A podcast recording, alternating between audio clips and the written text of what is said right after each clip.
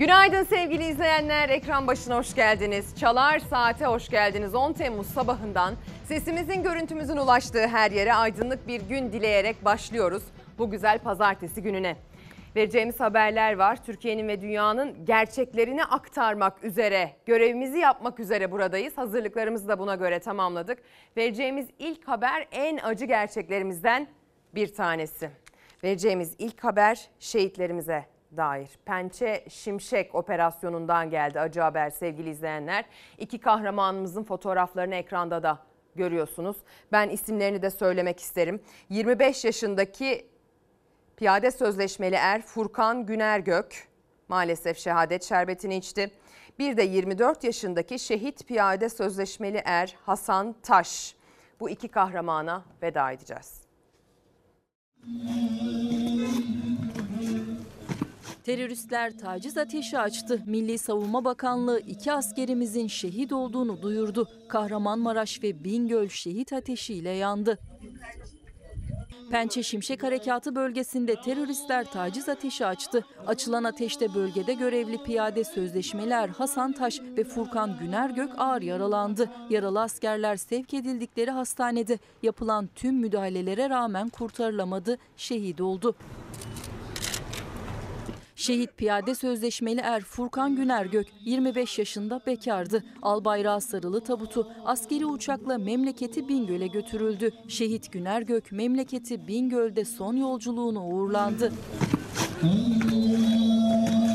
Şehit piyade sözleşmeli er Hasan Taş Kahramanmaraşlıydı. 24 yaşındaki şehidin naaşı bugün öğle vakti kılınacak cenaze namazının ardından toprağa verilecek. Bir şehidimizin cenazesi gerçekleşti, sonsuzluğa uğurlandı. Diğer şehidimiz Hasan Taş Kahramanmaraş'ta bugün sonsuzluğa uğurlanacak sevgili izleyenler.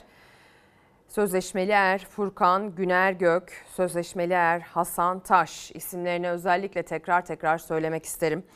Taş ve Güner Gök aileleri başta olmak üzere tüm sevenlerine, yakınlarına ve tüm ülkeye de başsağlığı dileklerimizi iletmiş olalım. Allah rahmet eylesin diyelim. Onların nezdinde tüm şehitlerimizi de anmış olalım. Keşke artık bu haberleri vermek zorunda kalmasak öyle değil mi? Şimdi yaz ortasındayız. Temmuz'un artık 10'u oldu ama biz yağıştan ve hava olaylarının sınırı aşmasından bahsetmeye devam ediyoruz. Geçtiğimiz hafta da durum böyleydi. Dün itibariyle haberlerde de aktardık. E, gerek ana haberde gerek dün sabah sabah haberlerinde aktarıldı sevgili izleyenler. Yağışlar artık can alacak seviyeye ulaştı. Geçtiğimiz haftadan itibaren uyarısı yapılmaya başlamıştı. Kuvvetli sağanak yağışın özellikle Marmara'nın doğusuyla Batı Karadeniz'i çok etkileyeceğini, Batı Karadeniz'de aşırı yağışın birkaç e, gün, bir buçuk gün içerisinde 200 kilograma kadar çıkabileceğini söylemişti uzmanlar. Ve gerçekten tahminler tuttu keşke tutmasaydı tahminler. Bilimin ışığında yapılan tahminlerde bir isabet söz konusu.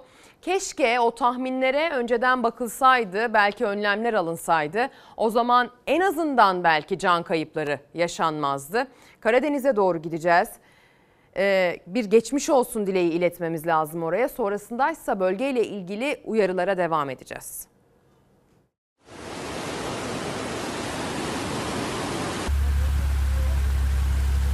Tamam. Nereden abi abi? Şöyle.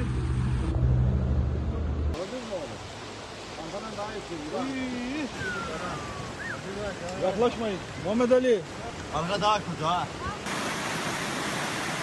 Dereler taştı, ağaçlar yerinden söküldü. Otomobiller, ambulanslar suya gömüldü. Karadeniz bölgesinde etkili olan kuvvetli yağış sele dönüştü. Samsun'da 45 yaşındaki engelli kadın suya kapılıp sürüklendi. Türkan Yılmaz'ın cansız bedenine 6 kilometre ileride ulaşılabildi. Ardahan'da ise yıldırım çarpması sonucu 15 yaşındaki Oğuzhan Karataş hayvanlarını otlatırken hayatını kaybetti. AFAD bugün de 13 il için turuncu kodla uyarı verdi. İşte burası Gökçedere Köyü, Sancı'nın köyü mahallesi.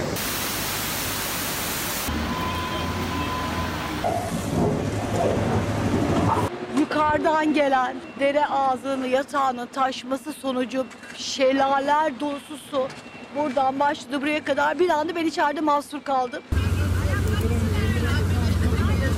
Karadeniz'de kuvvetli yağış dereleri taşırdı. Şehir, ilçe merkezleri, köyler su altında kaldı. Zonguldak-Ankara karayolu bu hale geldi. Bolu Mengen'de dereler taştı. Mengen Pazarköy karayolunun 14. kilometresi trafiğe kapatıldı. D100 karayolunun İstanbul yönünde göle dönen yol nedeniyle ulaşım durma noktasına geldi. Rize Çayeli'de Gürpınar köyünde meydana gelen heyelanda yamaçtan kopan dev kaya yola düştü. Mersin Erdemli'de ise etkili olan yağmur ve fırtınada Koca Hasanlı Merkez Camisi'nin bir minaresi park halindeki 3 otomobilin üzerine düştü. Bir kişi yaralandı. Zararın boyutu çok büyük. Nasıl olacak, ne olacak? Ordu'nun Altınordu ilçesinde selle birlikte heyelan meydana geldi. Bülbül Deresi taştı. Dere yatağındaki ev ve iş yerlerini su bastı.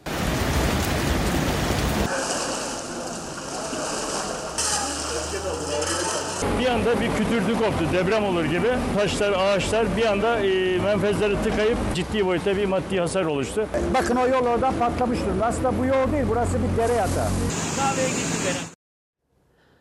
Bugün itibariyle de kuvvetli sağanak yağışın etkili olacağı adresler var. Öncelikle hatırlatalım. Devletin meteorolojiye dair tahmin yapan kurumu Devlet Meteoroloji Genel Müdürlüğü bu anlamda birbirinden yetkin mühendisleri ve teknikerleri barındırıyor içerisinde. Dolayısıyla güvenilirliği çok yüksek e, tahminler çıkıyor.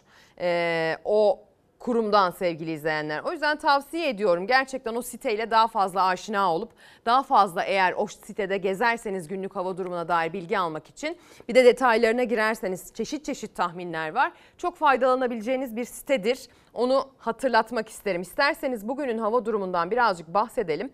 Sonrasında bu e, Karadeniz'de yaşanan sel e, sonrasında verilen bir can kaybı gazetelere nasıl yansıdı biraz ondan da bahsedeceğiz. Kuvvetli sağanak yağış ihtimalinin bugün devam edeceğini söylemek isterim. Yönetmenim Hilal'den rica edeyim. Gazete okuyacağız Hilal'cim biliyorum ama haritalarımızı verelim ki Bugün için kuvvetli sağanak yağış ihtimalinin nerelerde devam ettiğini de aktarmış olalım. Çünkü dün itibariyle Batı Karadeniz'de etkili olan bu kuvvetli sağanak yağış bugün itibariyle Orta ve Doğu Karadeniz'e doğru e, ilerleyecek. Batı Karadeniz şu saatleri itibariyle yine riskli yağışlar alabilir. Yine dünkü adreslerden bahsediyoruz aslında. Batı Karadeniz'in ağırlıklı olarak kıyılarından, Bartın'dan, Sinop'tan, Zonguldak'tan bahsediyoruz. Ancak bugün riskin daha yüksek olduğu, birkaç saat içerisinde kendini göstermeye başlayacağı adresler Sinop'tan sonra Samsun, Ordu, Giresun, akşam saatlerinde Trabzon, Rize. Özellikle Samsun, Ordu, Giresun hattında ve bilhassa da Ordu'da kuvvetli sağanak yağış ihtimaline karşı hazırlıklı olmakta fayda var. Bu kuvvetli sağanak yağış sel, su baskını ve taşkını beraberinde getirebilir. Günlerdir etkili olan yağışlar nedeniyle toprağa doymuş suda heyelan yaşanmasına, eğimli arazilerde toprak kaymasına sebep olabilir. O yüzden bölge bölge yerel yöneticiler köy muhtarından başlayıp valiliğe kadar yerel yöneticilerin bu bölgede şöyle bir risk var şeklinde önlem alması gerekiyor. Herkes kendi bölgesini daha iyi biliyor. Bakın ben mesela İstanbul için tahmin yaparım, memleketim için tahmin yaparım. Eminim daha tutarlı olur. Çünkü bilirim aynı zamanda yaptığım tahmini uzun uzun gözlemleme şansım olmuştur. O yüzden siz de yaşadığınız bölgeye dair yapılan tahminleri ne kadar tutarlı oluyor, böyle dediklerinde nasıl etki ediyor şeklinde bir deneyimle aslında ele alıyorsunuz. O yüzden yerel yöneticilerin buralarda alacağı önlemler çok önemli sevgili izleyenler. Lütfen bir can kaybı haberi daha vermek zorunda kalmayalım. Mal kaybı haberi de vermek zorunda kalmayalım. Şehirlerin altyapısının sınıfta kaldığına dair haberler vermek zorunda kalmayalım. Dere yatağına inşa edilmiş bu imar buraya nasıl verildi dedirten evlerin hasar aldığına dair haber vermek zorunda kalmayalım. Yıllardır artık tekrar eden bu durumları bir kıralım. Bu döngüden bir çıkalım artık. Gerçekten çünkü yetti diye düşünüyorum. Hadi gelin gazetelere bakalım. Bugün itibariyle Korkusuz Gazetesi'nin ilk sayfasında Karadeniz bölgesinde sel nedeniyle yaşanan ölüme dair bir haber var. Sel felaketi yine can aldı diyor Korkusuz ilk sayfadan. Sağanak yağış birçok kentte taşkına yol açtı. Karadeniz, İç Anadolu ve Doğu Anadolu'da etkili olan şiddetli yağışlar sele dönüştü. Ordu, Samsun ve Zonguldak'ta yolları çamur kapladı. 15'ten fazla kentte sel suları hayatı adeta felç etti. Su basan ev ve iş yerlerinin yanı sıra derelerdeki taşkınlar yüzünden vatandaşlar büyük korku ve panik yaşadı. Samsun'da bir kişi can verdi. Ordu'da ekipler yetmeyince asker devreye girdi ve çok sayıda kent işte bu fotoğraftaki gibi manzaralarla karşı karşıya kaldı. Şunun da uyarısını yapmak zorundayım. Sadece kuvvetli sağanak yağış ve selden bahsetmekle olmaz. Çünkü aslında bugün yarın Karadeniz, Doğu Anadolu bölgesi biraz biraz yağış aldıktan sonra yağış ülkeyi terk ediyor. Sonra ne oluyor? Sonrasında kavurucu sıcaklar devreye giriyor sevgili izleyenler. Özellikle Akdeniz bölgesinde, Güney Ege'de, Güneydoğu Anadolu bölgesinde sağlığı, günlük yaşantıyı tehdit edecek kadar sıcak bir havanın etkili olması bekleniyor. Özellikle çarşamba, perşembe, cuma. İstanbul'da bundan etkilenecek, Ankara'da bundan etkilenecek. Karadeniz'de kendi meşrebince, kendi normalleri e, sınırında bundan etkilenecek ama özellikle iç kesimler, güney kesimler aman dikkat. E, böyle yaşlılar, bebekler, sağlık sıkıntısı olanlar bu sıcak havalardan özellikle korunmalı. Bunun da şimdiden uyarısını yapmış olalım. Bir de tabii bu aşırı sıcak hava dalgaları ne demek? Orman yangını demek. Korkusuz gazetesinin manşeti ise yine her zaman olduğu gibi ekonomiden bahsediyor. Biz de zaten bugün başlığımızı ekonomiden yana attık. Korkusuz gazetesinin başlığını okuyalım sonra kendi başlığımızı verelim. Yeni zamlar fırtına gibi esecek, şimşek gibi çakacak diyor gazete. Maliye Bakanı Mehmet Şimşek dün sosyal medyadan sinyal verdi. Acı reçete bitmiyor. Bakan Şimşek'in mali disiplini yeniden tesis edeceğiz sözleri yeni zam fırtınası olarak yorumlandı. İktidarın yeni ekonomi modelinin iflas etmesinden sonra Maliye Bakanı Mehmet Şimşek'in başlattığı rasyonel zemin dönemi vatandaşa dünyayı dar etti. Geçen hafta yaşanan zam kabusunun şoku atlatılamadan yeni zamların sinyali geldi. Twitter hesabından yaptığı açıklamada zam yağmurunun bitmeyeceğini belli eden Şimşek, bütçe açığını kontrol altına alarak mali disiplini yeniden tesis etmek suretiyle kamu maliyesi göstergelerinde kalıcı bozulmalara geçit vermeyeceğiz dedi diyor. Bakın şimdi sırada akaryakıta vergi zammı haberi var. Biliyorsunuz bugün itibariyle zam yağmurumuz başladı. Bugün itibariyle vergilere gelen, KDV'ye gelen zam yürürlüğe girecek, etikete yansıyacak. Aynı zamanda akaryakıtın da vergisine zam geldiği için o da pompaya yansıyacak. İstanbul'da hala 26 lira sınırında ama benzin pek çok ilde 27 lira sınırını geçti ve bu vergi dokunuşuyla motorin de 25 lira sınırını geçti. Bugün başlığımız zam yağmuru. İşte buyurun yağmurun ilk damlası. KDV zammı fiyatlara yansımaya başladı. Akaryakıtta KDV %18'den 20'ye çıkınca akaryakıt fiyatlarına zam geldi. Benzin 40 kuruş, motorin 38 kuruş zamlandı. Cumhurbaşkanı kararıyla vergi ve harçlarda büyük zamma gidildi. O vergi artışları gece saatleri itibariyle yürürlüğe girdi. Akaryakıttan alınan %18 KDV %20 olduğu an fiyatlarda değişti.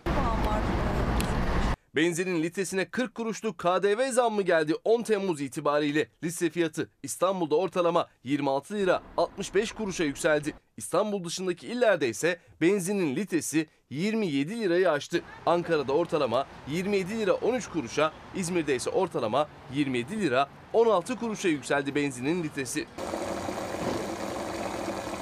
Motorinde ise KDV zammı 38 kuruş oldu. Motorinin litresi İstanbul'da 25 lirayı aştı. İstanbul'da ortalama 25 lira 20 kuruşa, Ankara'da ortalama 25 lira 67 kuruşa, İzmir'de ise ortalama 25 lira 79 kuruşa çıktı motorinin litresi.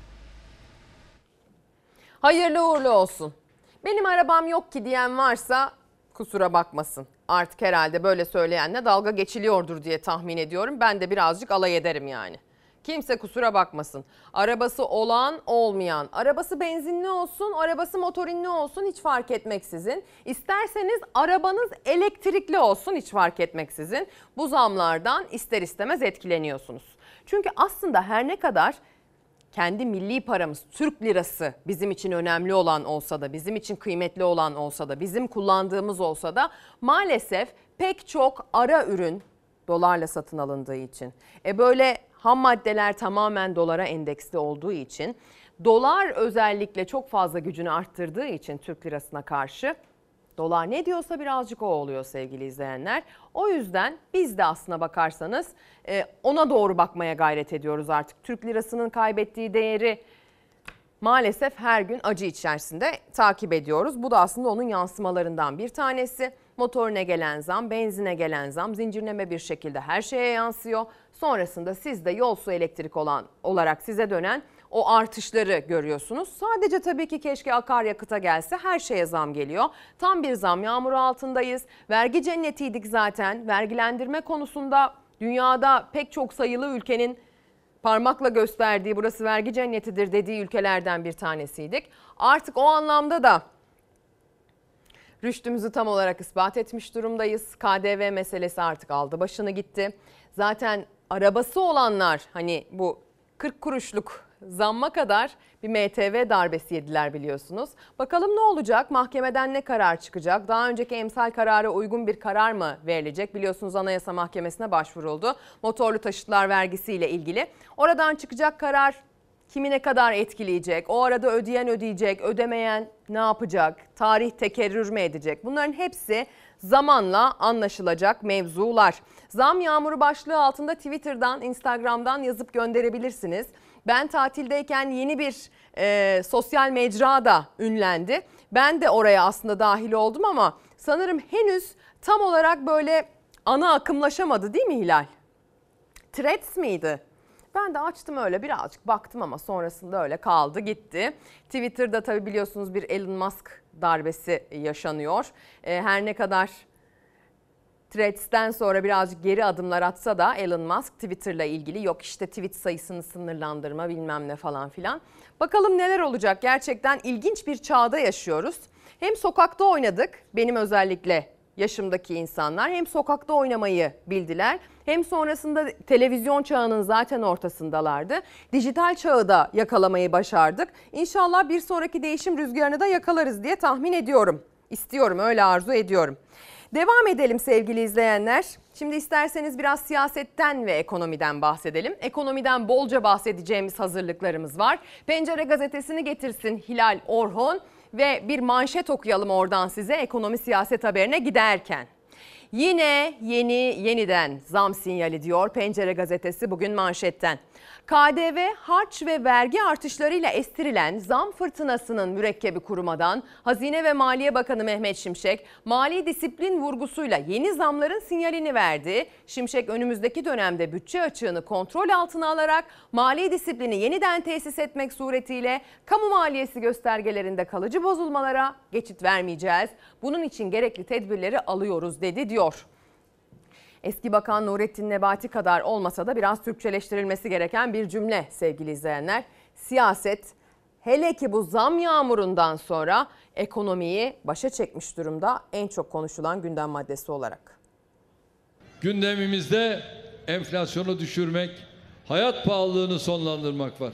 Üretimi, istihdamı, ihracatı daha çok artırmak. Dünyanın en büyük 10 ekonomisi arasına girmek var. Türkiye giderek büyüyen bir ekonomik krizle karşı karşıyadır. Dolar bazında ihale alanlar, devlete borç verenler, dolarla mevduat hesabı tutanlar, kur korumalı mevduat hesabı dolar bazında garanti edenler buradan olağanüstü gelir elde ediyorlar. Olağanüstü. Bunlar 85 milyonun kanını emen insanlar ve bu kanlarını emen insanlara yol açan da alınan ekonomik kararlar. Cumhurbaşkanı Erdoğan'ın ekonomi vaatleri ve dünyada ilk 10 ekonomi hedefi sözleri Gümüşhane'de yankılanırken Kılıçdaroğlu Sözcü gazetesine konuştu. Erdoğan'ın aksine zamları, ek vergileri hatırlattı, ekonomik soykırım dedi. 85 milyonun bir avuç insana çalıştığını söyledi. Bizim gündemimizde deprem bölgesinin yeniden ayağa kaldırılması var.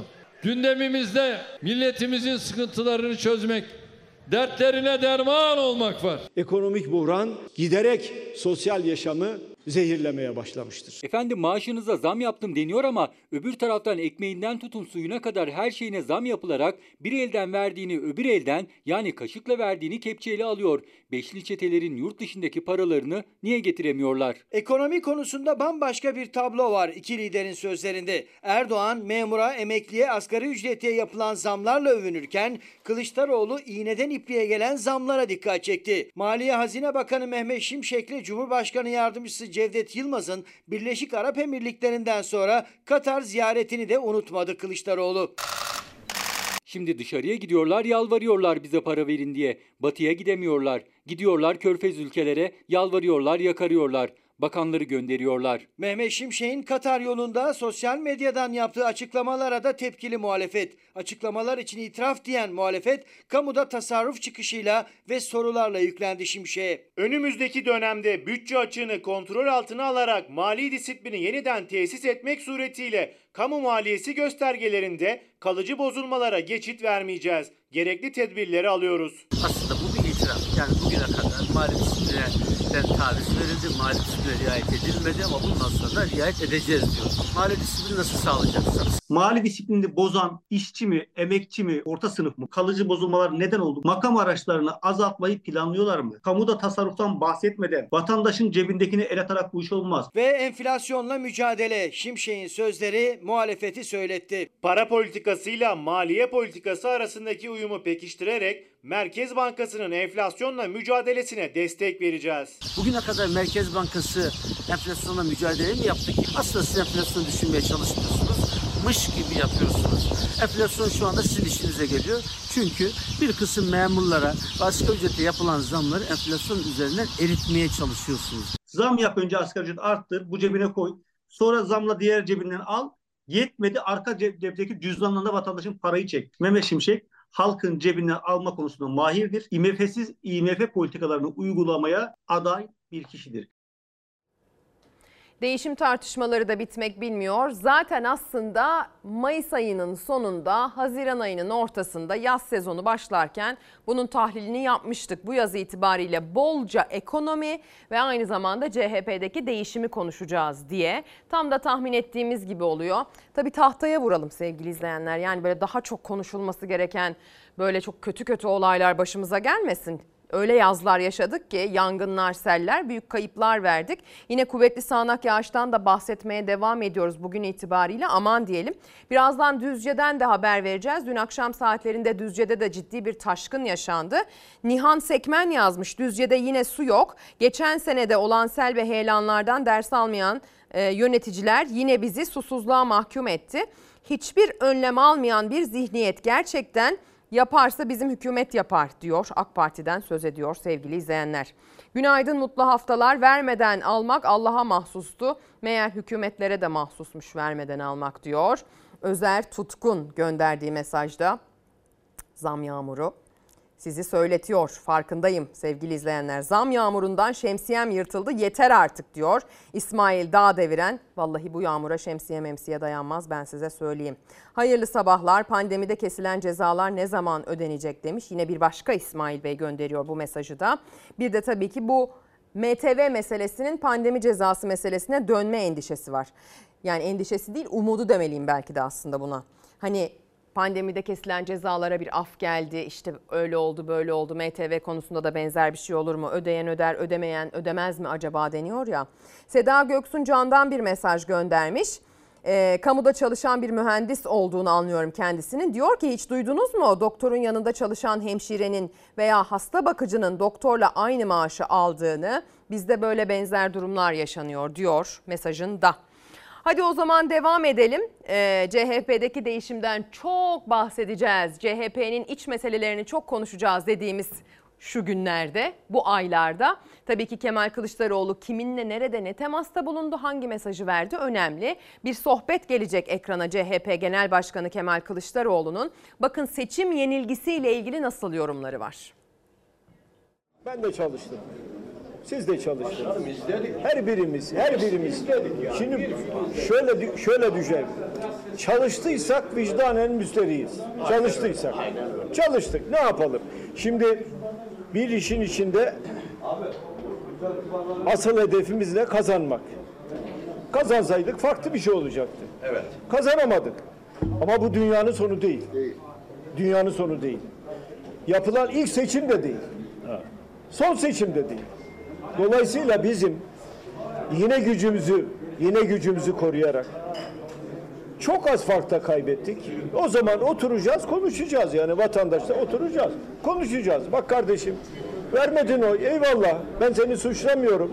Belki dedim bunlar daha iyilerini yaparlar. Eyvallah. Ama şimdi öyle bir tablo yok. Sen de yaşıyorsun, görüyorsun. O zaman bunun değişmesi lazım. Bizim vatandaşı ikna etmemiz lazım. Şunu kabul edelim. Ben 85 milyonu tek tek gidip görüşme şansım yok. Kesinlikle. Tabii. Ne olacak? Bugün, bugün bu kahvedeyim. Üç ay sonra İstanbul'da bir başka yerdeyim. 15 gün sonra bir başka yerdeyim. Ama görüşeceğim kişiler her zaman sınırlıdır. Televizyonlara çıkabilirsek anlatırız. Çıkabilirsek anlatırız. Evet muhalefetin böyle bir sıkıntısı var sevgili izleyenler. Ana akım medyada muhalif siyasiler kendilerine yer bulamıyorlar. Devletin kanalında dahi kendilerine yer bulmakta zorlanıyorlar. Rekor dakikalarla böyle kıyaslandığında aradaki fark ortaya çıkıyor biliyorsunuz iktidardan ve muhalefetten siyasilerin oralarda ne kadar yer bulduğuyla ilgili. Haklılar ama tabii ki Kemal Kılıçdaroğlu'nun bu temasları zamanı geçmiş midir, yerinde midir, zamanında mıdır? Peki karşı tarafı motive etmek için yeterli midir? İnsanlar artık sandıktan da mı acaba uzaklaşacaklar endişesini konuşuyor bu anlamdaki sosyoloji e, insanları, bu anlamdaki bilim insanları sevgili izleyenler, toplum bilimiyle ilgilenen kişiler diyorlar ki eğer seçmen özellikle muhalif seçmen sandığa gitmekten vazgeçerse vay halimize diyorlar. Sandığa küsülür mü bilmem ama artık demokrasi dendiği zaman akla ilk ve tek gelen şey haline geldi sandık. Halbuki tamamen hayatımıza sirayet etmesi gereken, içselleştirmemiz gereken bir durum kendisi. O yüzden bir de sandığa küsülürse ipin ucu hepten kaçar mı demokrasiye ve cumhuriyete dair diye insan endişelenmeden edemiyor. Peki nasıl tekrardan toplayacaksınız? Aynı motivasyonu tekrardan nasıl oluşturacaksınız? E, değişim mesajları veriliyor. Ekrem İmamoğlu değişim konusunda en önde bayrak sallayan isim olarak görülüyor CHP cephesinde. Yeni bir söylem, yeni bir heyecan katıp arkasına seçmeni takabilecek mi CHP? Koltuğunda kim olursa olsun ittifaklarla yine kendini büyütebilecek mi? Az bir farkla kaybettik diyor Kemal Kılıçdaroğlu ama bu anlamda yapılmış çok güzel bir yorum var benim çok hoşuma gidiyor. Seçimin sadece bir tane kazananı var. Birincisi ya da ikincisi yok. Hani birincilik, ikincilik, üçüncülük madalyaları verilmiyor. Birinci olan Cumhurbaşkanı oluyor da ikinci olan işte onun yardımcısı oluyor gibi bir durum yok. Ya kazanıyorsunuz ya kaybediyorsunuz. Şöyle de bir yorum var. %48 üzerinden savunmaya geçiyor Kemal Kılıçdaroğlu. Çok ciddi bir emek verdi. Hep birlikte şahit olduk. Bunu kimse yatsımaz. İsterseniz AK Parti seçmeni olun, isterseniz İyi Parti seçmeni olun. Ciddi bir emek var. Yöntem tartışılıyor sadece ve deniyor ki e %48 zaten önceki Cumhurbaşkanlığı seçiminde de muhalif partileri topladığın zaman eline geçen sayıdır deniyor. E ne yaptı Kemal Kılıçdaroğlu? Bunların hepsini tek bir çatı altında topladı. O çatıya da dedi ki Erdoğan gitsin partisi dedi. Demedi ama bir nevi öyleydi aslında. E ne oldu? Erdoğan gitsin partisi %48'de kaldı. Erdoğan kalsın partisi kazandı ve maalesef bir kazanan vardı. Kemal Kılıçdaroğlu'nun işte bu anlamda sözleri birazcık boşa düşmüş oluyor sevgili izleyenler. Az farkla kaybetmenin kimseye bir faydası yok. Çünkü netice itibariyle kaybetmek.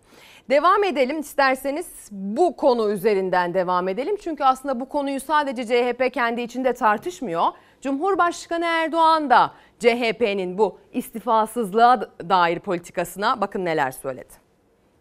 Bugün 25 milyonu davamıza kattık. Yarın 35 milyonu davamıza katacağız. Senden hesap uzmanı falan olmaz. Geç. Sen bizimle beraber girdiğin bütün seçimleri kaybettin. Hala utanmadan, sıkılmadan burada duruyorsun. Gidecekler bunlar. Götüremez bunlar. Gidecekler. Seçimden iki ay sonra CHP lideri Kemal Kılıçdaroğlu ekonomideki tablo yüzünden iktidar için götüremez gidecek bunlar iddiasında bulundu. Erdoğan ise Kılıçdaroğlu'na kaybettin hala buradasın diye yüklendi. Buradayım ve buradayım. Sonuna kadar mücadele edeceğim. Buradayım. Bak Yunanistan'da Çipras seçimi kaybetti, bıraktı. Çipras bu kadar bu konuda hassas ama sende bu yok. Ben Cumhuriyet Halk Partisi'nin başında olsam da olmasam da 25 milyonluk demokrasi kitlesi hiçbir zaman bir liderin güdümünde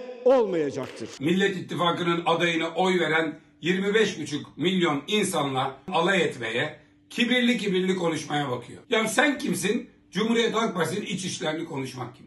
Onları biz doğru mecralarda, doğru insanlarla, doğru yöntemlerle konuşuruz. Sana ne? Yaşadıklarından hiç ders çıkarmadan 16'lı masa kurmaktan bahsediyor. Değil altılı masa. Türkiye'nin aydınlığa çıkması için gerekirse 16'lı masa kuracağım. Tıpış tıpış diyerek CHP seçmenine zorla oy verdirdiği tabela partilerine anlaşılan 10 yeni tabela partisi daha gelecek. Seçimlerden sonra CHP değişim sesleriyle yankılanırken Kılıçdaroğlu ise ufuktaki yerel seçim başta olmak üzere sonraki seçimleri ve ittifakları büyütmeyi yeni hedef yaptı. Gümüşhane ve Bayburt'ta konuşan Erdoğan'la karşı karşıya kaldı. Yedili koalisyon masasından bir kişi bile istifa etmedi. Kazanamazsam bırakırım diyenlerden hiçbiri siyaseti bırakmadı. 25 milyonun hakkını ve hukukunu kimseye yedirtmem. Çünkü onlar sarayın tüm sahtekarlıklarına rağmen halkın ve hakkın yanında duranlardır. Sabah akşam kavgalarını izlemekten millete artık gına geldi gına. Erdoğan'a göre muhalefet yenilgiyi zafer olarak pazarlıyor. Kılıçdaroğlu 25 milyonluk birlikteliği büyütmekten söz ediyor. İktidar muhalefet kavgası kaldığı yerden devam ediyor. Saray saltanatının karşısında hep beraber durup mücadelemizi sürdüreceğiz. Toplam oyları yüzde biri dahi bulmayan tabela partilerinin sevincini anlıyoruz. Onlar siyasi tarihimizin en büyük tokatçılığına imza atarak CHP'den 39 milletvekili kopardılar. Yok efendim 39 milletvekili nereden gelmiş buraya girmiş. Sen kadın düşmanlarını, Hizbullah terör örgütünü, o örgütün avukatlarını, İstanbul Sözleşmesi düşmanlarını, kadınları sahiplendireceğiz diyenleri meclise nasıl taşıdın? Utanmadan, sıkılmadan onun hesabını ver. Sen bu hesabı tarih önünde bütün kadınlara vereceksin. Siyaset iktidar muhalefet hattında yine hararet artırdı. CHP listelerinden meclise giren Saadet Gelecek, Deva ve Demokrat Parti'nin Erdoğan'ın son sözlerine ne cevap vereceğini de gözler. Cumhurbaşkanı Erdoğan ve aslında hükümet seçim hazırlığına başladı. Aslında bu gördüğünüz tamamen seçime yönelik hamlelerin bir parçası. AK Parti kendi içerisindeki yapılanmayı tamamladı. Hükümet teşkilatlarını yapılandırdı, atamalarını gerçekleştirdi ve bir sonraki hedefi masaya koydu. Çalışmalara başladı. İşte bu çalışmalardan bir tanesi de şu anda muhalefetin en hassas noktalarına böyle pıt pıt pıt temas etmek şeklinde oluyor sevgili izleyenler. Cumhurbaşkanı Erdoğan çok usta bir siyasetçi. Muhalefeti kendi içindeki tartışmaları alevlendirerek nasıl karıştırırım bunu gerçekten çok iyi biliyor. Ee, ve öyle noktalara temas ediyor ki zaten tartışılan konular daha da büyük tartışmalara dönüşüyor. CHP'nin kendi içindeki tartışmalar ve aynı zamanda ittifaka yönelik eleştiriler Cumhurbaşkanı Erdoğan'ın son dönemde gündeminden düşmüyor. Zam yağmurundan bahsediyoruz ama kuvvetli sağanak yağmurlardan da bahsediyoruz. Şimdi Bartın'a doğru gideceğiz. Sanayi sitesinde 70 kişinin nasıl mahsur kaldığına bakacağız.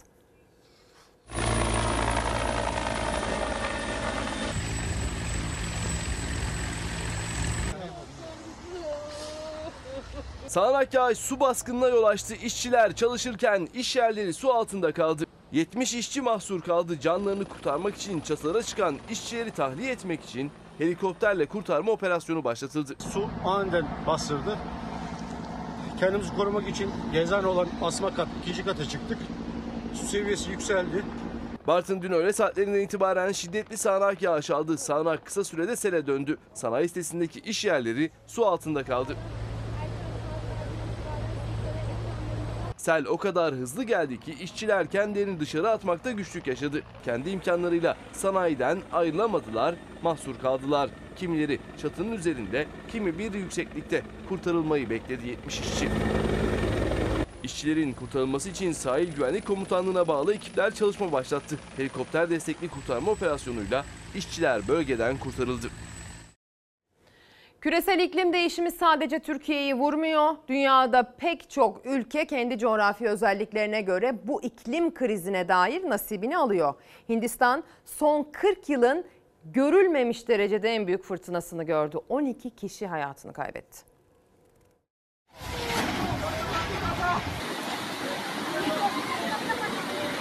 Sel önüne çıkanı sürükledi. Arabalar, motosikletler nehir olan yollarda sürüklendi. Ağaçlar yerinden söküldü. Selle birlikte toprak kayması nedeniyle 12 kişi hayatını kaybetti. Hindistan'da son 40 yılın en büyük fırtınası yaşandı. Fırtınaya şiddetli yağış da eklenince felaketi yaşadı Hindistan. Şiddetli yağışlar kısa sürede sele döndü. Evler, iş yerleri, yollar sular altında kaldı. Göle dönen yollarda insanlar sandallarla ilerledi. Sel o kadar şiddetliydi ki ağaçlar yerlerinden söküldü. Ağaç gövdeleri sokak aralarında ilerledi suyla birlikte. Sel nedeniyle can kaybı da yaşandı. En az 12 kişinin hayatını kaybettiği açıklandı. Ülkede sel tehlikesinin sürmesi bekleniyor. İklim değişimi ve bu kriz bir gerçek. Hazırlıksa kaçınılmaz. Tedbir almak kaçınılmaz sevgili izleyenler. Şimdi reklam sonra devam. Günaydın sevgili izleyenler. Kaldığımız yerden Çalar Saat'e devam ediyoruz. Eğer aramıza yeni katıldıysanız size ayrıca bir günaydın dileyelim. Ekran başına ayrıca hoş geldiniz efendim. 10 Temmuz sabahından sesimizin görüntümüzün ulaştığı her yere aydınlık gün dileklerimizi iletmeyi sürdüreceğiz. Hazırlıklarımızı, haberlerimizi de aktarmayı sürdüreceğiz. O haberler, o gündem maddeleri yazılı basında nasıl kendine yer buldu onu da anlamaya çalışacağız. Hadi gelin Pencere Gazetesi'ne bakalım. Pencere Gazetesi'nin manşetini okumuştuk. Özellikle Mehmet Şimşek'in paylaştığı son tweet üzerinden yeni zamlar mı geliyor sorusunu manşete taşıyan gazetelerden biriydi Pencere Gazetesi. Bir diğer gazetede e, öne çıkarılan başlıksa Mücella Yapıcı'nın kendisiyle ilgili yapılan başvuruya verdiği yanıtla alakalı. Gezi tepkisi benim hakkımda yoksa diğerleri içinde delil yok. Gezi davası tutuklusu Mücella Yapıcı, Yargıtay Başsavcılığının kendisi dışındaki cezaların onanmasını istemesine tepki gösterdi deniyor. Hadi gelin Mücella Yapıcı meselesine bir bakalım. Son olarak tip başkanı e, Erkan Baş da konuyla ilgili görüşlerini aktardı onu da izleyeceğiz. Gezi olurdur. Gezi kirletilemez. Yargıtay diyor ki benim görüşüm budur. Nedir bu görüş? Mücella yapıcı hakkındaki verilmiş olan kararda mahkumiyet için yeterli sebep yok, yeterli delil yok, inandırıcı bir kanıtta mevcut değil. Mahkumiyet kararını bozun. 72 yaşındaki mimar Mücella Yapıcı Gezi Parkı davasında tutuklandı. 15 aydır cezaevinde. Yargıtay Başsavcılığı nihai karar öncesi hazırladığı tebligatnamesinde 18 yıl hapse mahkum edilen sanıklardan sadece Mücella Yapıcı için yeterli delil yok dedi. Kararın bozulmasını istedi. Aralarında tutuklu milletvekili Can Atalay'ın da bulunduğu diğer sanıklar içinse cezaların onanması yönünde görüş bildirdi. Mücella Yapıcı cezaevinden avukatı aracılığıyla ses yükseltti. Herkesin kararını onaylayacaksınız, mücella yapıcı hakkındaki mahkumiyeti bozacaksınız. Böyle şey olmaz. Madem ki benim hakkımda yeterli delil yok, diğer sanıklar bakımından da kesin ve inandırıcı delil yok demektir. Mücella Hanım'ın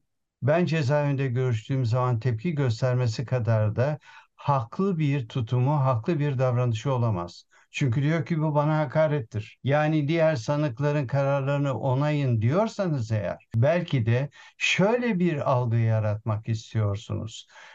Kadın yaşlıdır, cezaevinde ölmesin, başımıza da dert olmasın. Bu hakaret sayıyorum diyor. Nisan 2022'de tutuklanarak cezaevine gönderildi mimar Mücella Yapıcı. Aradan aylar geçti. Yargıtay Başsavcılığı Osman Kavala'nın ağırlaştırılmış müebbet cezasının Türkiye İşçi Partisi Hatay Milletvekili Can Atalay da dahil diğer sanıkların 18'er yıl hapis cezasının onanması yönünde tebligatname hazırladı. Görüş içeren o belgede Mücella Yapıcı'nın tutuklanması için yeterli delil olmadığı vurgulandı. Oysa Yapıcı 15 aydır cezaevinde.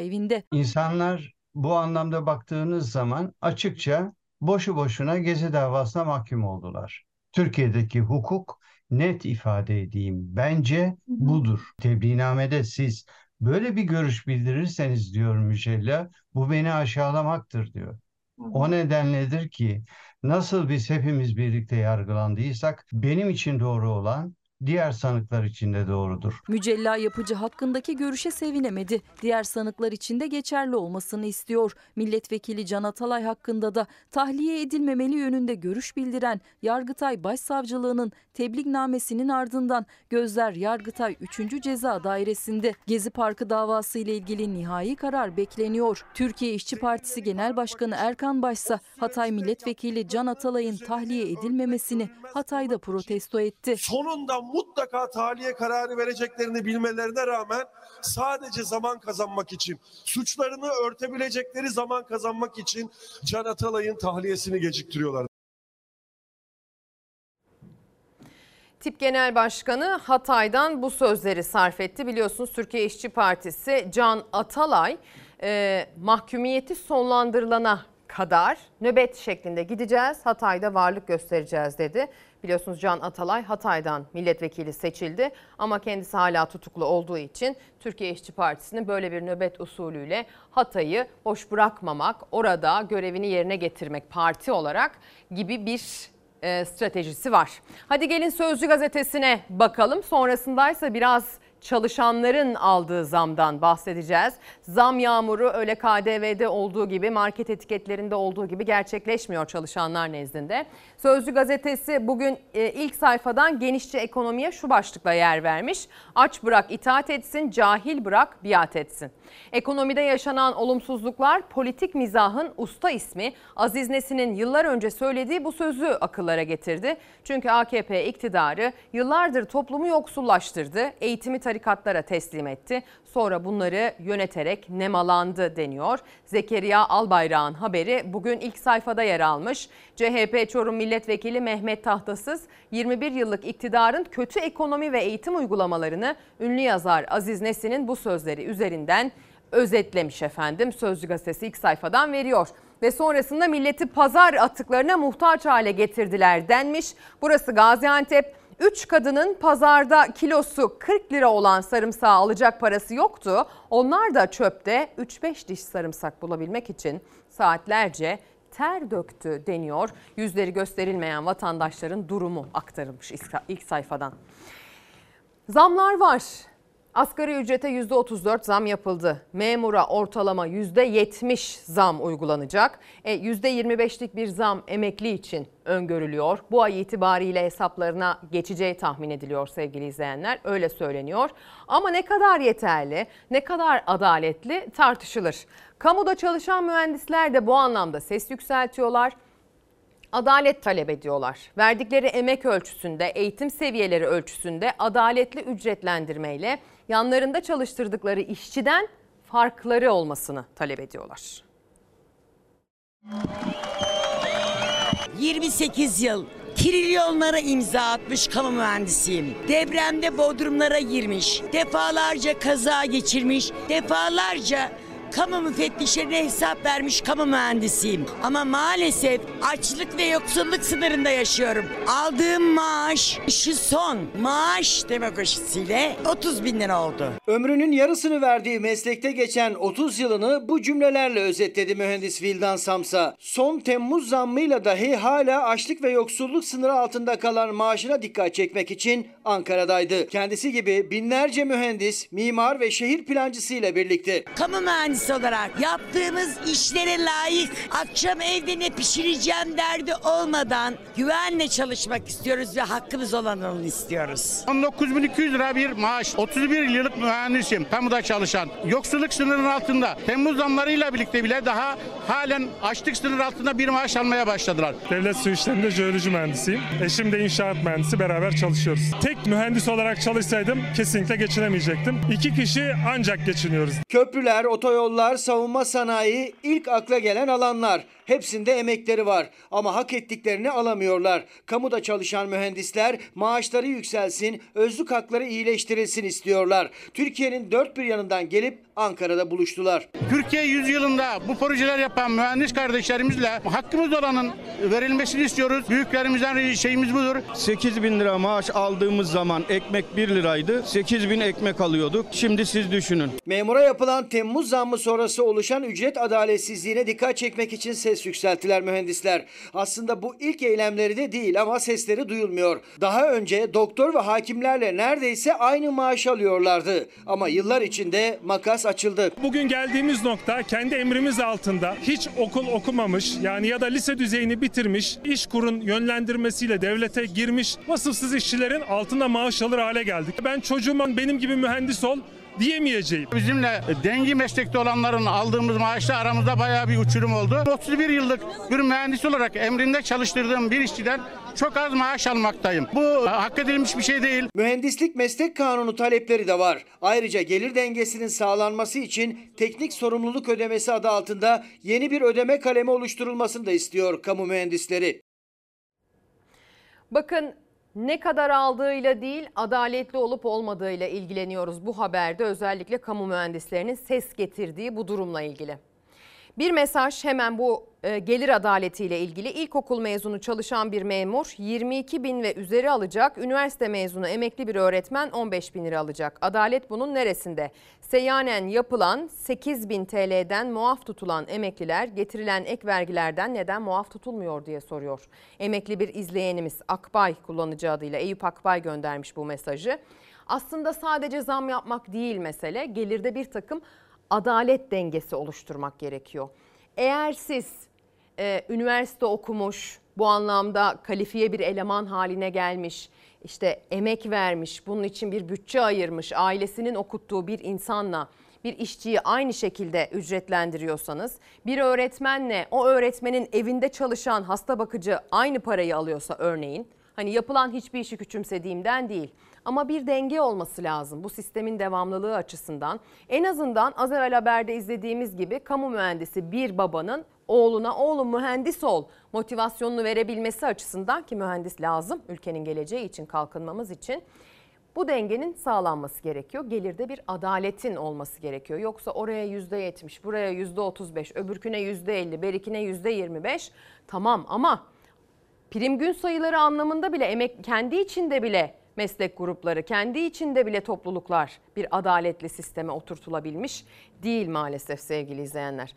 Bugün itibariyle zam yağmuru başlığı atmamızın sebebi sıradaki haber. Çünkü biliyorsunuz açılışta da söyledik. Günlerdir zaten artık ezberledik. %8, %10 oldu. %18, %20'ye çıkartıldı. KDV'de yapılan bu oransal değişiklik belki aldığınız bir üründe size 1-2 liraya mal oluyor ama tamamını düşünürseniz size de maliyeti çok yüksek oluyor.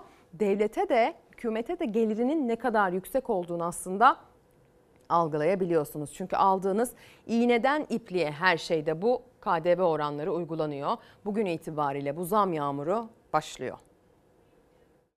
Görüyorsunuz her yer tıklım tıklım. Mutfak ürünleri aldık. Ee, Bulaşık deterjanları var. Diğer arabada da şeyler var. Sebze ve meyveler var. İki araba doldurduk. Araba yaklaşık 2000 TL falan tuttu. Ee, Alabildiğimiz gücümüz yetisi kadar bir şeyler yapmaya çalışıyoruz. Peki bu alışverişin KDV zammıyla bir alakası, ilgisi var mı? Var. Alışveriş sepetleri alabildiği kadar ürünle dolduruldu. Marketlere akın etti tüketici. Gücünün yettiği kadar aldı. Fiyatlar artmadan son alışverişini yapıp biraz olsun tasarruf yapabilmek içindi tüm çaba. Çünkü KDV zamları bugün itibariyle yürürlüğe girdi. Son gün olduğu için baktım şampuanlara filan işte şeylere hiçbir şey alamadan gidiyorum. Alamama sebebiniz ne? Reyonda mı yok yoksa? Reyonda yok çoğu. Aradığım şampuan yok mesela reyonda. Başka marketlere gid- şey yaptım hepsinde tükenmiş bomboş. Kaç market gezdiniz? Ben mi? 11. market bu. Seher Turan zam gelmeden hijyen malzemelerinin alışverişini yapmak istemişti bugün ama 11 market gezdi. Bu gezdiği 12. market ama şampuan, tuvalet kağıdı ve deterjan gibi aradığı ürünleri bulabildiniz mi? Bulamadım hayır. Hepsi bomboş reyonlar. Bulursam bir tane daha gireceğim markete. 13. markete doğru gidiyor. Doğru gideceğim tabii. Gireceğim yani bulana kadar. Çünkü 100 liralık şampuan yarın dünyanın parası olacak. Ne alacaksınız?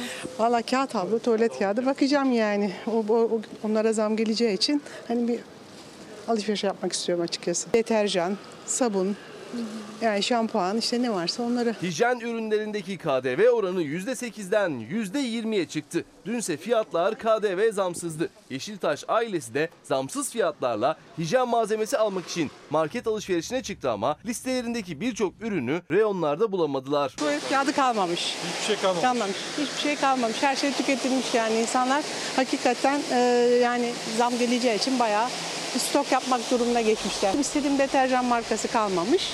İşte bunları aldık çıktık. Bayağı raflar boş galiba. Evet. 4 adet havlu kağıt, %8 KDV, 175 lira 80 kuruş. Evet. Yarın %20 KDV, fiyat bayağı katlanacak. Yani sözün bittiği yerdeyiz. Emekliye zam yaptılar ama verdiklerini geri aldılar. Yeşiltaş ailesi sadece kağıt havludan 20 lira kar etti. Çünkü o kağıt havluyu bugün alsalar aynı kağıt havlu için 195 lira 33 kuruş ödeyecekler. Kadın hijyen malzemesi %8 KDV, 23 lira 95 kuruş bugün. Ee, bebek bezi %8 KDV, 119 lira 95 kuruş bugün. Yarın E, yarın yüzde kaç oluyor? 20 oluyor değil mi? Bir gün farkla kazandık şimdilik bakalım. Dün 23 lira 95 kuruşa satılan en ucuz hijyenik pet bugün 26 lira 61 kuruşa. Dün 119 lira 95 kuruş olan bebek bezi ise bugün 133 lira 27 kuruşa çıktı. Sadece iki üründeki KDV zammı 15 lira 98 kuruş. Lüks değil artık. Bunlar zorunlu ihtiyaç. KDV olmamalı bunlarda. Yani e, daha uygun fiyatlarda alabilmeliyiz. Devlet memuruyuz. Her şeye zam geldiği gibi maaşa geliyor, geldiği gibi her şey gidiyor. E, Artık Allah sonumuzu hayretsin. Özellikle bazı ürünler var ki yaşamsal öneme sahip. Özellikle hijyenik ürünler sevgili izleyenler. Gelişmiş ülkelere bakıyorsunuz. Devletin bunu vatandaşına ücretsiz sağladığını, en azından vergilendirmeden verdiğini, sattığını görüyorsunuz. Gerçekten bizim ülkemizde maalesef böyle bir uygulama yok. Görüyorsunuz e, mesajlarda siz de yorumlarda benim okuduğum yorumları aslında Instagram üzerinden özellikle siz de görebiliyorsunuz. Emekliler çok ciddi mesaj yağmurundalar. Zam yağmuru başlığının altında emeklilerin mesaj yağmuru var. Fersan Kurt yine ekran başında olan izleyicilerimizden emekliler ne alemde onu da bir haber yapın diye bir mesaj göndermiş. Ben çevremdeki emeklilere soruyorum. Biz oy vermedik diyorlar. Hangi emekli oy verdi merak ediyorum demiş Fersan Bey gönderdiği mesajda. Bir e, izleyicimiz ise dedim ki ben e, tatil bitti işbaşı yaptım döndüm gibisinden bir paylaşımda bulundum. Ezgi Hanım sizin tatil düşük KDV'den oldu. Biz onu da yüksek KDV'den ödeyeceğiz diyor. Yahu biz zaten bir yere bir şey ödemeden tatilimizi yapan yazlıkçılarız efendim. O yüzden öyle yüksek KDV, düşük KDV bizi en azından o tatil özelinde çok fazla etkilemedi. Ama tabii ki bugünden itibaren iğneden ipliğe hepimizi emekli memur çalışan, asgari ücretli, kadın erkek, dul yetim fark etmeksizin herkesin, her gelir grubunun etkileneceği bir zam yağmuru olacak. Sabah saatlerinde Ruhi Becenek bir mesaj attı. O da daimi izleyicilerimizdendir. Pek çok yazılımcı gibi ben de erken saatlerden itibaren bu KDV'deki değişikliği e, yansıtıyorum etiketlere diye yazmış yollamış. Kolay gelsin diyelim. Sizin de işiniz kolay değil. Bütün etiketleri baştan hazırlamak zorunda kalacaklar. Keşke böyle bir şeye gerek kalmasaydı. Evet şimdi sırada emekliler. Yaklaşık 15 milyon emekli var Türkiye'de. Bunların 10 milyonu da taban ücretiyle ücretlendiriliyor. Yani 7500 lirayla. Eski Bakan Vedat Bilgin demişti ki Temmuz ayı itibariyle bir kademelendirme yapılacak. Hani prim gün sayısına göre yaşanan bir adaletsizlik var. Çünkü hep en düşük emekli aylığına zam yapıldı. Bu adaletsizlik ortadan kaldırılacak demişti. Şimdi emeklinin kök maaşına %25 zam gelecek. Ama sanki vaat edildiği gibi o gelir adaletsizliği emekliler içerisinde pek de sağlanamayacak böyle olursa. Ücretlerin alacağı kadar bir maaş bekliyorduk ama nasıl geçiniyorum? Ulus'a gibi mesela çarşıya pazara gidiyorum bir şey yemeden gidiyorum. Emekliler tabii ki şoke oldular. Kök maaş üzerinden 7500 TL bulununcaya kadar bu zamlardan hiçbirisi yararlanamayacak. Emeklerimize yüzde 25 oranında zam yapmak suretiyle saçını ülkemize hizmet yolunda ağartmış kardeşlerimizi sevindirdik. Hiç memnun kalmadık. Biz de memurlara verdiği kadar bize de versin bekliyorduk. Hayal kırıklığına uğradık.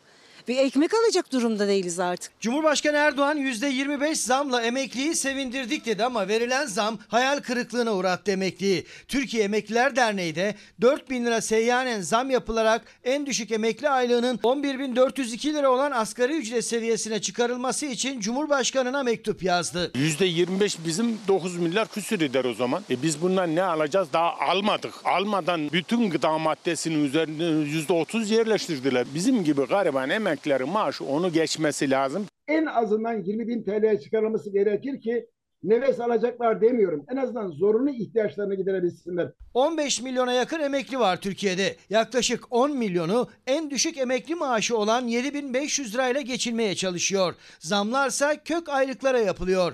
Kök maaşı 6000 lira olan emeklinin maaşı %25 zamla 7500'e çıkacak. Zaten en düşük emekli maaşı 7500 yani hiç zam alamayacak. 6950 lira aldım. Şimdi onlara vermiyoruz diyor hiç. Nasıl oldu biz de bilmiyoruz ki. Maaşınız 6 bin liraysa kök maaşın üzerine konacak. Dolayısıyla 7500 TL alan arkadaşlarımız bu zamlardan faydalanmıyor. Taban 7500 olanlara hiç gelmedi. Kök maaşta 5500'dü zannediyorum. Gene aynı devam zaten. Size hiç yansımıyor zam o zaman. Yok hiç yansımıyor. Örneğin 5500 lira kök maaşı olan ama hazine desteğiyle cebine, cüzdanına 7500 lira giren emeklinin kök aylığı %25 zamla 6875 liraya çıkacak.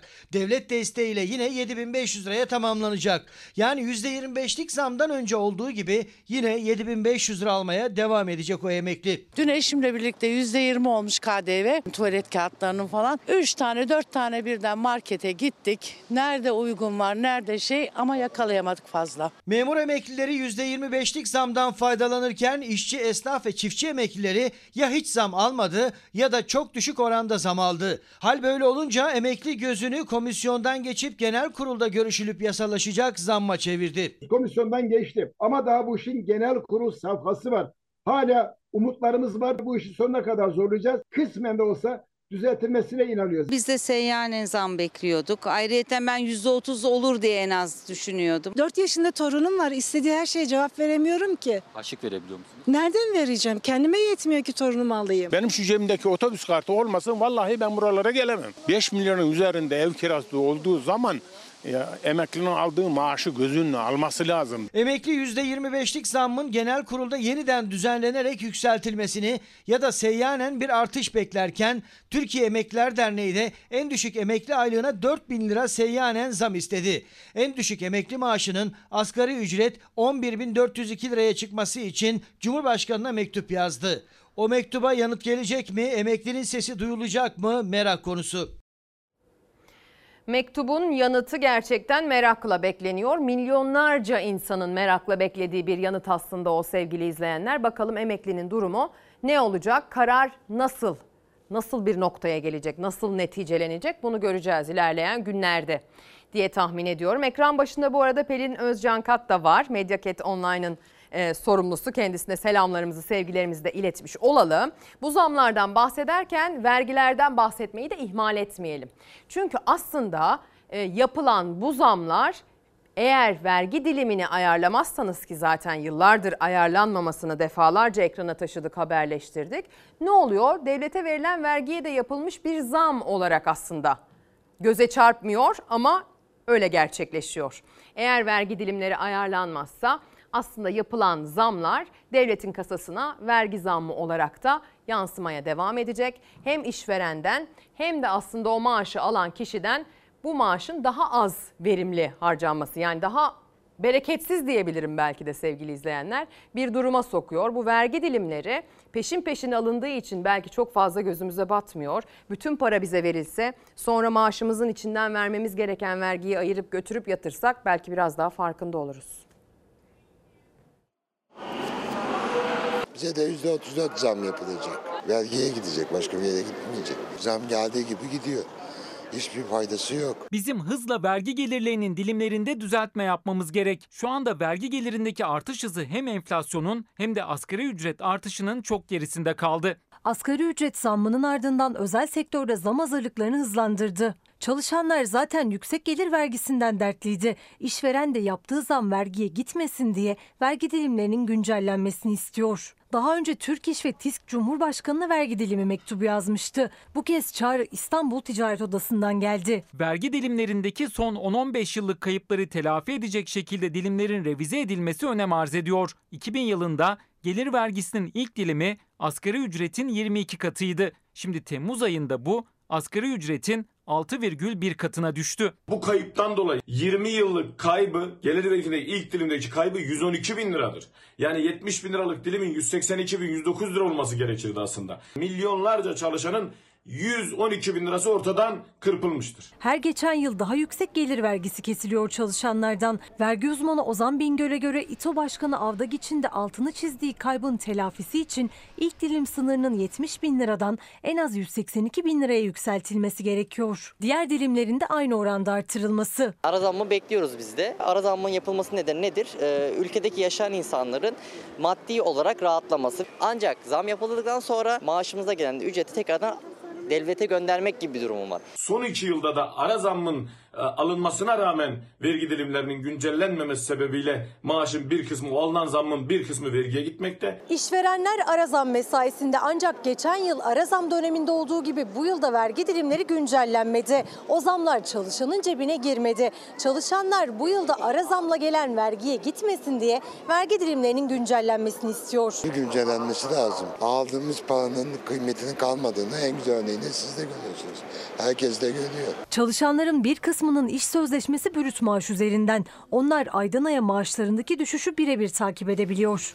20 bin lira brüt maaşı olan Ocak'ta 15.650 lira maaş alırken Aralık'ta 14.600 liraya düşüyor. Sözleşmesi net maaş üzerinden olanların vergi yükünü ise zam yaptığı an sene sonuna kadar işveren üstleniyor. İşte İstanbul Ticaret Odası'nın çağrısı da bu yüzden. İşveren yaptığı zam vergiye gitmesini istiyor. Türkiye'de özel sektörün belli bir kısmında net maaş üzerinden anlaşma gibi bir yaklaşım mevcuttur. Bu da vergi yükünün de işveren tarafında kalması anlamına gelmektedir. Vergiler güncellenmeli. Güncellensin. Niye güncellensin? Şöyle söyleyeyim ben size. Hayat pahalılığı var diyoruz. Ama bir taraftan da bakıyoruz ki ne çalışan memnun, ne patron memnun. Patron çalışanına zam yapıyor ama çalışanı memnun edemiyor sevgili izleyenler. E çalışanı memnun edemedikten sonra, çalışandan talep gelmeye devam ettikten sonra, motivasyon sağlamadıktan sonra, yapılan zam karşı tarafa bir refah katmadıktan sonra yaptığının da bir anlamı olmuyor. O yüzden ne alan razı ne veren razı gibi bir durum söz konusu. Vergi dilimi konusunda peki umutlu musun diye sorarsanız vergi yağmuru altında, zam yağmuru altında olduğumuz günlerde vergi dilimi güncellenir mi?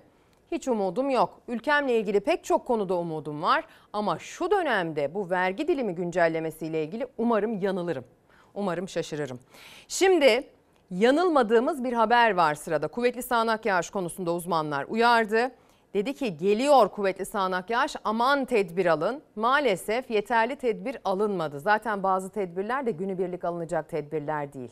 Sistemsel ve yapısal değişiklikler yapmayı gerektiriyor. Hadi gelin Karadeniz'e gidelim. Bugün de turuncu kodlu uyarı var.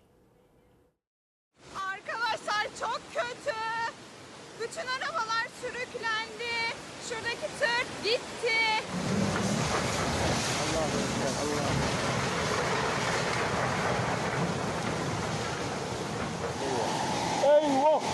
Ano! Ano! Gitti, çok gitti! Çok gitti, çok! Sel böyle geldi Zonguldak'ta. Düzce'de evleri yuttu. Bartın'da mahsur kalanlar helikopterlerle kurtarıldı. Selle mücadele eden Karadeniz gündüzden geceye ayaktaydı. Tekin abi bunu o yoldan karşıya. Onu oradan değil de şuradan götürelim. Or Orada, oradan geçiremedim. bu, bu sudan Şuradan. şuradan şu yoldan gitsek daha iyi olmaz mı? Abi bir yerden geçirin işte. Anası?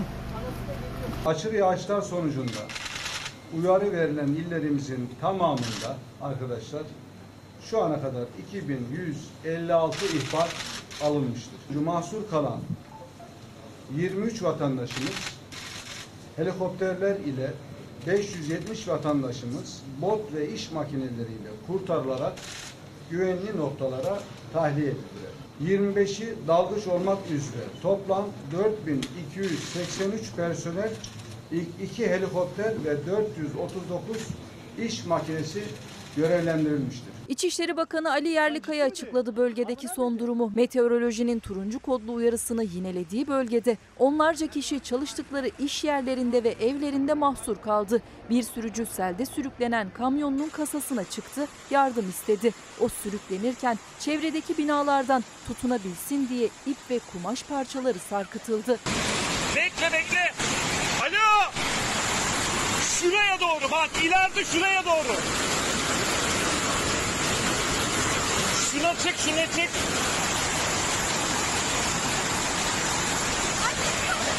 Hadi oğlum be. Hadi oğlum be. Sıkı tutun. Sıkı tutun. Hadi. Çek. Çek.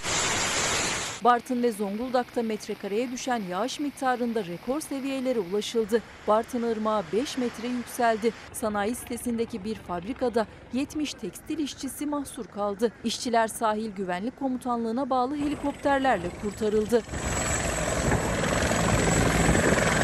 Mahsur kalanlar helikopterler, iş makineleri ve botlarla kurtarılırken Zonguldak'ta sahil yolu trafiğe kapandı. Devrek'te asma köprü yıkıldı. 18 ev tahliye edildi. Terminal ve galericiler sitesi sular altında kaldı. Yollar çöktü. Sürücüler çöken ve suyla dolan yollarda mahsur kaldı. Düzce'de de sel yıkıma neden oldu. Fındıklı Aksu köyünde dere kenarındaki ahır sele kapıldı. Melen çayı taştı. Bine yakın araç tahliye edildi. Melen Deresi kenarında bulunan beton santralinde 6 kişi mahsur kaldı. Mahsur kalanlar AFAD ekipleri tarafından kurtarıldı. Diyarbakır Bismil'de de yağmurla birlikte kanalizasyonlar taştı. Kuvvetli rüzgar pazar yerinde esnafın şemsiyelerini uçurdu.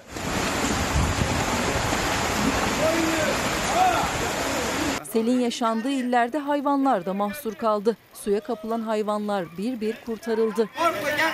Şuradan şuradan tutar mısın? Korkma. Bırakma bırakma hiç bırakma. Böyle bir durumda hayvanlarımız da bu felaketten zarar görüyorlar.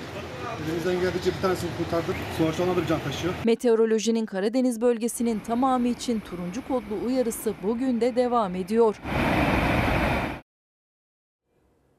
Batı Karadeniz kuvvetli sağanak yağışın etkisinde kaldı. Şu saat itibariyle pek çok adreste kuvvetli sağanak yağış etkisini yitirdi ama ajansların naklen aktardığı görüntülerde bakın Bartın, dere kenarındaki mahallelerde durumu görüyorsunuz.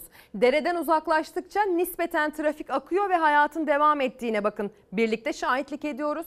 Burası Bartın sevgili izleyenler. Su büyük ölçüde çekilmiş. Arabaların devam edebileceği şekilde özellikle dereden uzak noktalarda araçlar ama bir çamur deryası içinde gidiyorlar farkındaysanız. Taşkından geriye çok ciddi bir çamur kalmış. Bartın'dan havadan çekilen görüntüler şu an birlikte görüyoruz. Ben de sizinle birlikte izliyorum. Naklen aktarılıyor. Çok geçmiş olsun diyelim. Zonguldak'ta, Bartın'da çok ciddi bir e, infial vardı son iki gündür kuvvetli sağanak yağışın sebep olabileceklerine dair. Uyarılar geçtiğimiz haftadan itibaren yapılmaya başlandı. Ama bazı yapısal değişikliklere dair tedbirleri tabii ki bir iki günde alamıyorsunuz. İmar verirken bunu düşünüyor olmanız lazım. Dere ıslah ederken, bina yaparken, su basman ayarlarken bunu düşünüyor olmanız lazım. Yani bu biraz uzun vadeli bir planlama gerekiyor ki biz genelde orta ve uzun vadeli planlamalarda sınıfta kalıyoruz. Bugün itibariyle kuvvetli sağanak yağış özellikle Orta ve Doğu Karadeniz'de devam edecek. Sinop'tan sonra Samsun, Ordu, Giresun çok ciddi bir kuvvetli sağanak yağış alma riskiyle karşı karşıya. Dün Batı Karadeniz'de yaşananlar bugün Orta Karadeniz'de yaşanabilir. Akşamsa Trabzon, Rize, Artvin kuvvetli sağanak yağışın etkisi altına girecek. Ekran başındaki veliler ve öğrenciler, öğrencilere müjde midir bilmiyorum ama pek çok veliye müjde olacağını tahmin ediyorum. Okulların ne zaman açılacağına dair Milli Eğitim Bakanlığı takvim açıklamış. Kurtuluş 11 Eylül.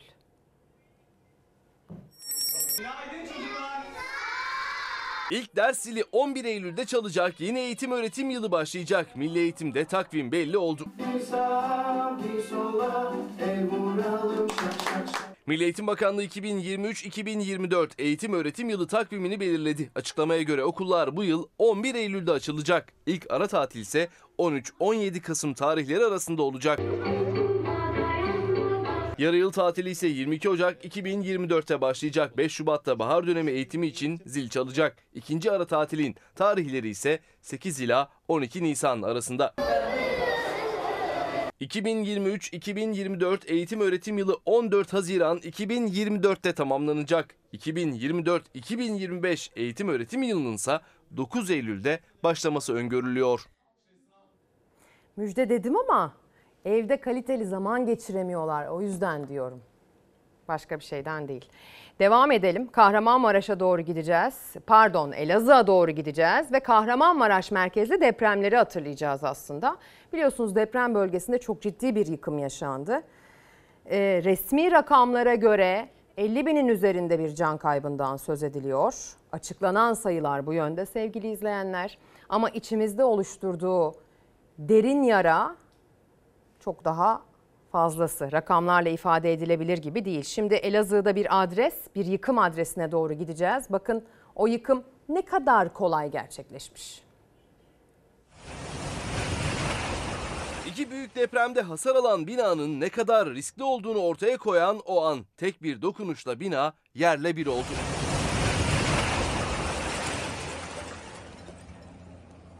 Kahramanmaraş'ta Şubat ayında meydana gelen iki büyük deprem Elazığ'da bulunan bu binaya ağır hasar verdi.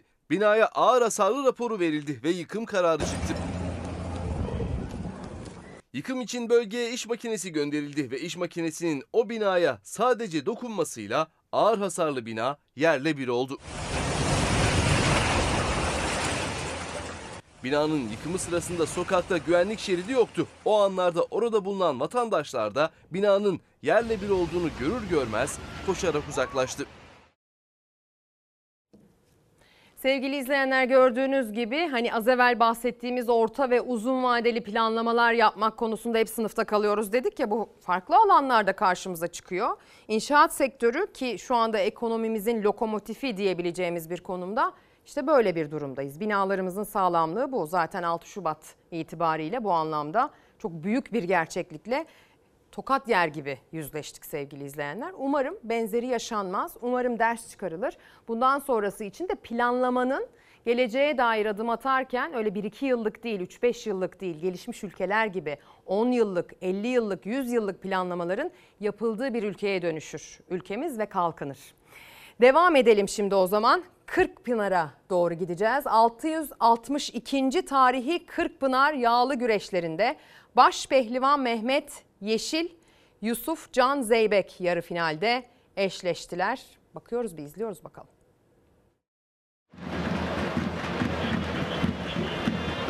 ...662. Kırkpınar yağlı güreşleri kıyasıya mücadeleye sahne oldu. Zorlu geçen müsabakaların sonunda finali baş pehlivan Yusuf Can Zeybek kazandı. Bu yıl 662.si düzenlenen tarihi Kırkpınar yağlı güreşleri her yıl olduğu gibi büyük bir katılımla başladı. Cuma günü resmi tören yapıldı. Edirne'nin Sarayiçi Er Meydanı 53'ü baş pehlivan olmak üzere 2141 pehlivana ev sahipliği yaptı. İlk gün küçükler Er Meydanı'na çıktı ardından büyüklerin zorlu mücadelesine geçildi. Başpehlivanların müsabakalarında ise nefesler tutuldu. Dün de final güreşinde başpehlivanlar kozlarını paylaştı. 662. tarihi Kırkpınar yağlı güreşlerinde başpehlivanlığı İsmail Balaban'ı mağlup eden Yusuf Can Zeybek kazandı.